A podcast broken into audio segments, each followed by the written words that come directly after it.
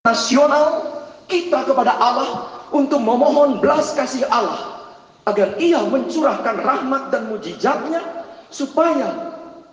menghilangkan segala bahaya virus corona ini dari dunia dan dari Indonesia. Di keuskupan terbesar di Indonesia ini, mari kita lambungkan doa bersama-sama pada Tuhan supaya ia berkenan kepada kita semua hidup tulus melakukan segala sesuatu dalam kasih,